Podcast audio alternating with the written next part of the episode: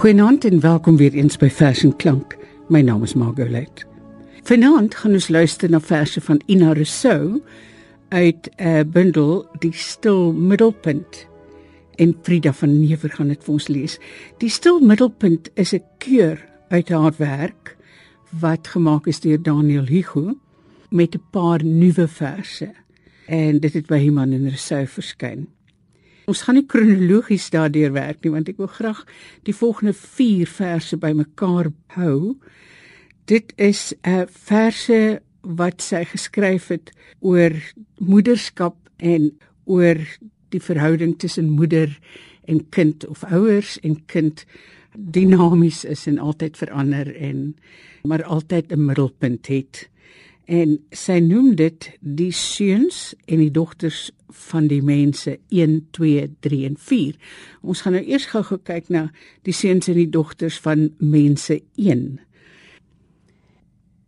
Die mense maak hulle wonings gereed vir die koms van hulle kinders. Versier in motiewe van apies en vlinders die kinderkamer se mure en kaste.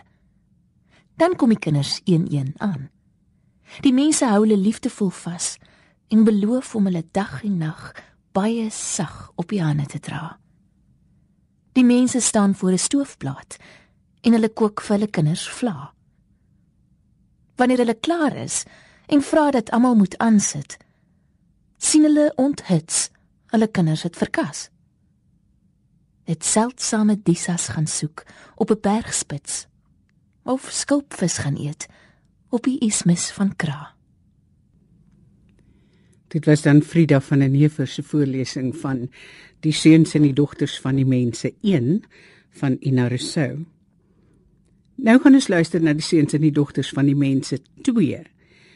Nou is die kinders ouer en wyser. Dikwels ook wyser as die ouers.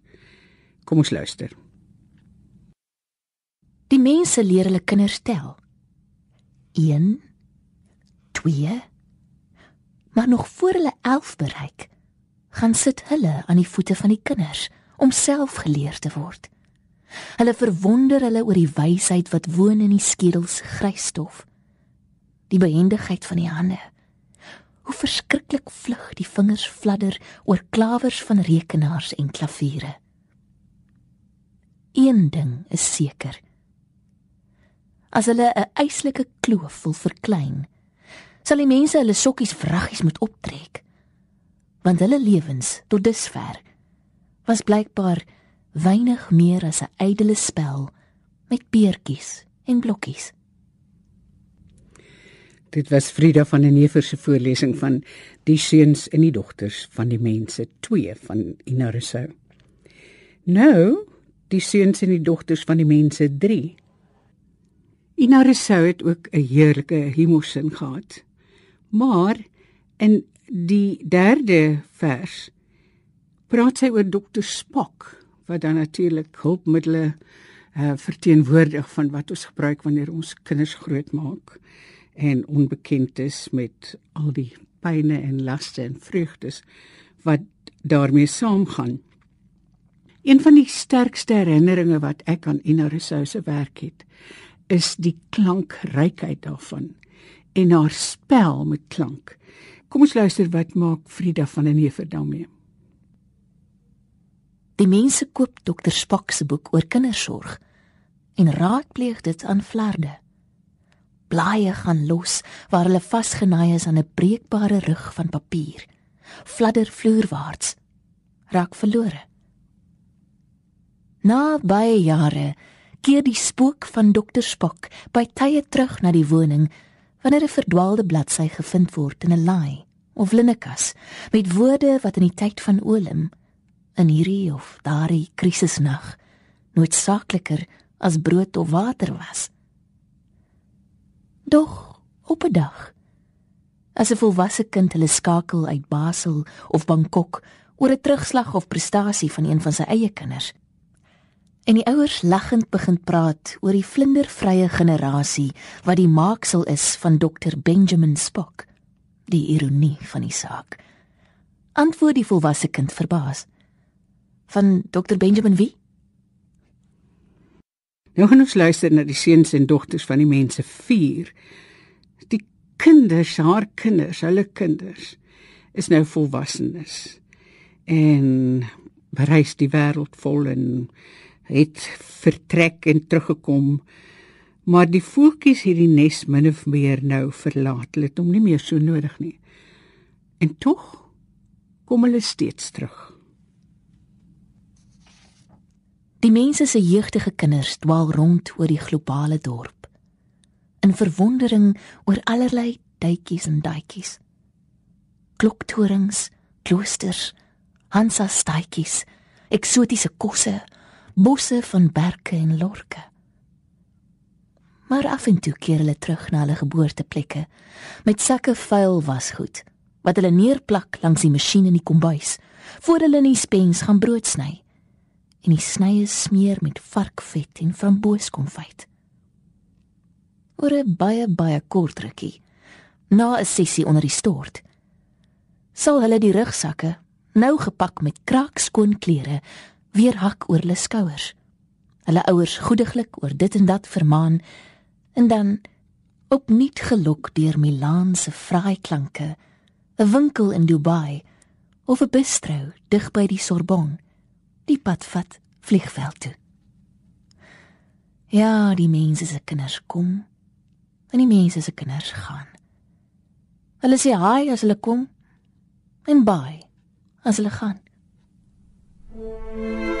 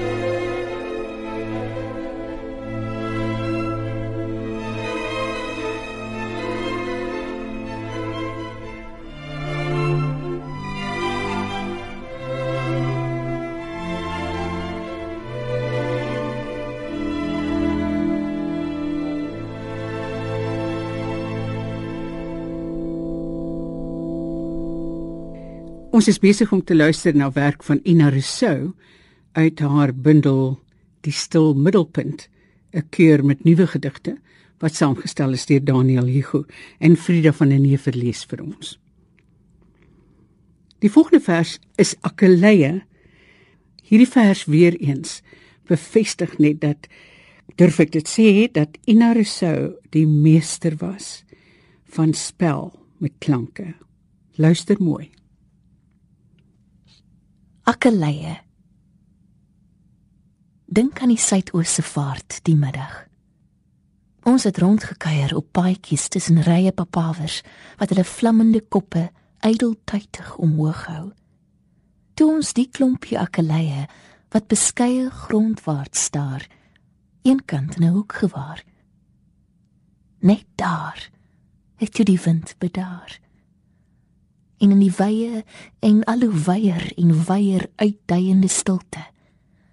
Het tientalle klein lila klokkies klankloos begin byer die volgende vers het sy genoem koerant tuine was baie belangrik in Ina Rousseau se lewe.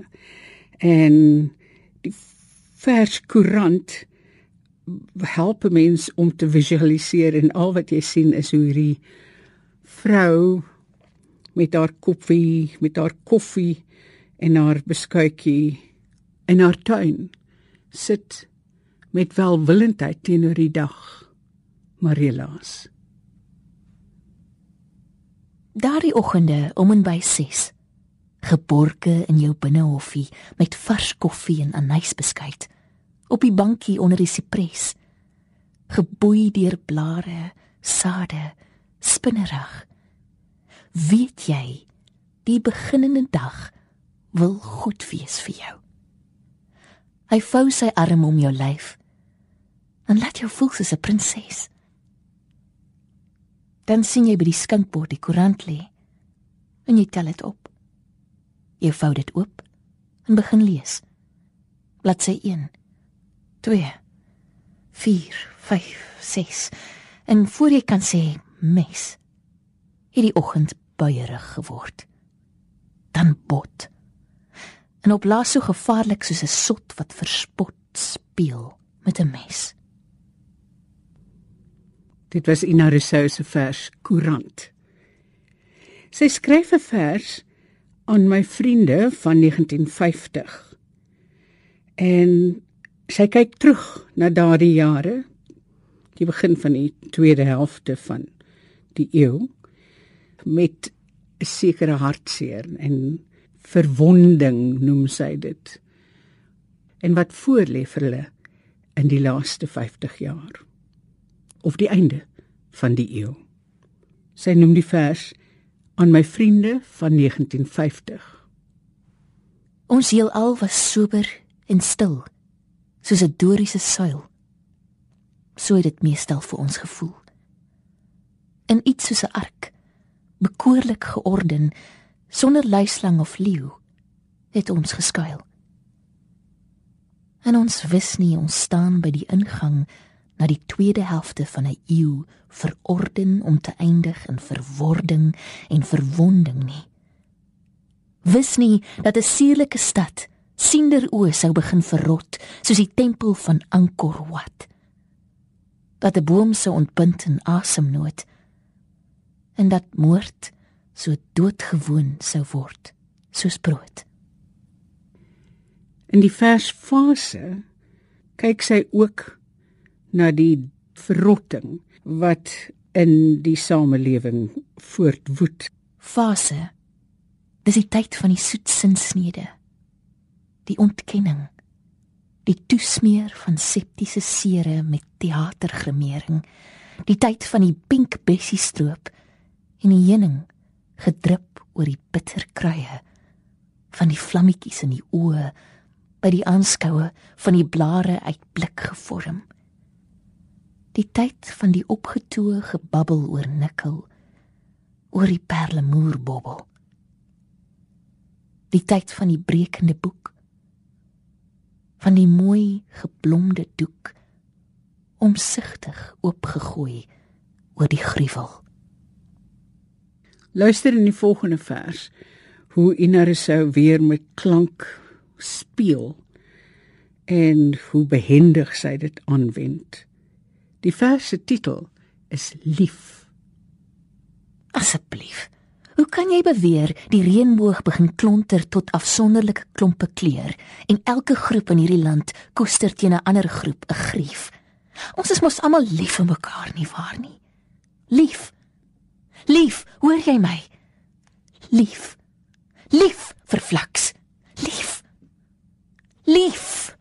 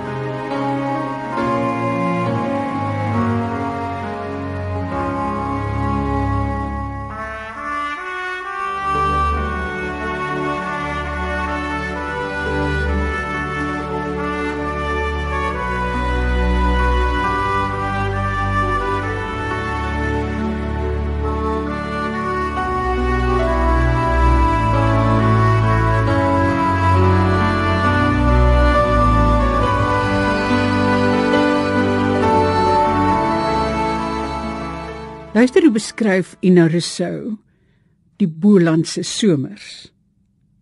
Lang skemerings kom oor die landstreek in skakerings van seewatersteen. Dan sessies waarin die uitspansel al sy medaljes uitstal. Pronksugtig, verdese en gene. Gevolg deur dagbreke, die tint van flamink, kweper en klokkiesheide. Daarna kom uur na uur van lig. Soms sag, soms verblindend, soms blou gekleur of botterblomgeel. En om en in en tussen dit alles deur is daar die bedreiging van 'n skrikbewind bedryf deur 'n drieledige diktatuur. Skroeihitte. Suidoostewind. Vuur. Een van die hartseer verse wat Ina Rousseau vir ons nagelaat het, noem sy shampoo. Vandag was hy haar hare. Hy laat haar by die wasbak sit en draai die krane oop. Terwyl die water inloop, sien hy in die spieël hoe breekbaar hulle albei lyk. Asof hulle saamgestel is alleen uit kraakbeen en vel. Hy skep water oor haar kop. En onhandig met hande waaroor inkblou are rank, smeer hy die groen shampoo deur die hare. Die hare. Nee. Eerder 'n blikseltjie spookasem. So onwesenlik soos die wasem op die spieelglas. 'n Flentertjie vliesvolk. 'n Ragfyn stukkie kantwerk of die spinsel van 'n spinnekop. En weer kom die herinnering haarskerp by hom op. Hoe op 'n wintermiddag baie dekades gelede sy sy lewe binne getrippel het op hoë spykerhakke van skoene met skerp punte geklee in 'n minirok ontwerp deur Mary Quant haar oë die kleur van kastanje met kool omrand. Omvrying met donkerblou digte wimpers. Haar lippe parelbleek geskilder. En haar hare. Die jaartse en jaartse hare, swarter as swart, met die glans van lava glas. Gerangskik in 'n byekorfkapsel. 'n amper replika van Farah Diba die Shah van Iran se fonkelnuwe ega. Hy spoel die seepskuim uit en vat lomp in sy vuis die haartjies vas. 'n Meise sterkie om die laaste waterdruppels uit te druk. Hy vryf die handdoek oor haar skedel. Hoe het sy tog met die weelde wat haar hare vroeër jare was, geworstel soms voor die spieël? Om lank laat wag voor onthale terwyl sy dit probeer beteel dit geborsel en geborsel en gepluis en uiteindelik strak gelak met haarsproei uit 'n spuitkan nou trek hy die kam 'n skamele viermaal deur jare. En sy tak is afgehandel. Ons gaan afsluit met 'n ligter vers. Sy noem dit twis. Een middag het ek getwis met sis genis. Ons was albei 6. Is het ek gesê. En sy is sy. Waaroor het ek en sis tog so getwis, onbewus dat daar 'n woord soos twis is. Is is sy. Is is is, is toe het 'n groot mens gesis. In goedheidsnaam, hou op met twis. Twis. Ek het die woord gevang in 'n net. Uit die niet.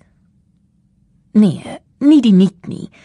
Uit my krieseltjie verlede het skielik 'n druppel reën die somerdag binne gesweep. Rond en blinkend en teen 'n vensterruit aan stukkies gespat. Twis en toe nog een. Twis. En toe nog en nog en nog en nog een. Twis, twis, twis, twis. En toe 'n hele sweter, joe, duisende deursigtige sappige waterbessies wat piets en bots teen vensterglas en sissend oopbars. Twis, twis, twis, twis, twis.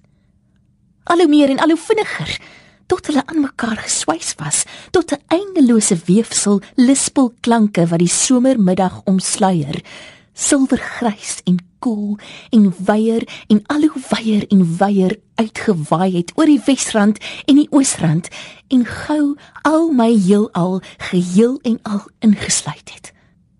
Twis twis twis twis. En dis so 'n woord blink nuut en sappig my lewe binne gespat het op die dag van my twis met sis genis.